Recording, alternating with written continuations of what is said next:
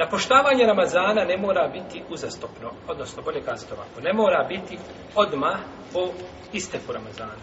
Žena u Ramazanu bila ciklus, 7 dana, 8 dana, bila u nifasu 20 dana, nije dužna po završetku Ramazana, ulazkom u ševal, odmah da napusti šta?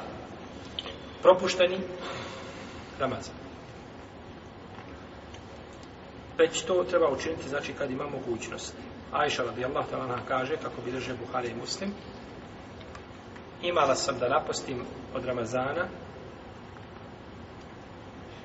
pa nisam mogla da to napustim sad do Šabana. Ibn Hajar kaže da je ovaj hadis dokaz da, da znači, može se odgoditi na paštanje Ramazana. Ne mora se napoštavati odmah ili napaštiti odmah nakon isteka Ramazana. A pa međutim, uzvišenje Allah te bavio tala kaže u najti u saju nefil hajrat, umleha sabi kun, hvali one koji žure da čine dobra djela. Znači, natječu se učinjenje dobrih djela. Pa ne treba čovjek, jer može ostati taj dug njemu zavratom, a vidjet ćemo, znači, da li taj dug se može da li može za njega neko napostiti ili ne može, govorit o tome. U svakom slučaju, najbolje je da čovjek to uradi za sebe, jer ne zna kako će postupiti njegovi šta? Nasljednici. Jer njegovi nasljednici se raduju samo onome što je on ostavio. Od imetka, nije od duga. Jer svaki dug nasljednicima je muka. Babo bio dužan ovome, pa ovome, pa ode pola imetka za dug. Pa im je teško čak dati babi i da se ukopa iz nasljedstva, jer to je njihovo.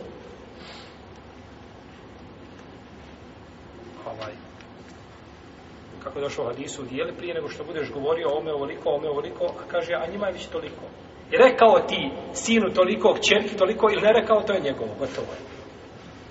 Znači, udijeli prije nego što ti to neko bude parčan. Ako propusti osoba Ramazan do drugog Ramazana, što je zabranjeno? Znači, kod islamskih učenjaka, uglavnom je poznato da je dozvoljeno, znači, do Ramazana, narednog, u tom periodu, da se napusti. No, međutim, ako osoba odgodi i uđe u drugi Ramazan, dužna je opet samo napostiti i te obučiniti. I te obučiniti, Allahu te barak je oteala, jer, znači, do narednog, Ajša kaže, do šabana nisam mogla napostiti. Znači, to je to pred naredni Ramazan. Nije dužan da se iskupi da nahrani siromahe, jer nemamo argumenta. Nemamo znači argumenta za a, za iskupinu, ili da obavežemo čovjeka da se iskupi. I to je stave Buhanife ibn Hazma. I to je ispravno mišljenje. Dok kaže imam malik da će nahraniti za svaki dan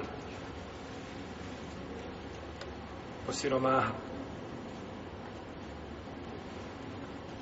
to je stavilo na šafije.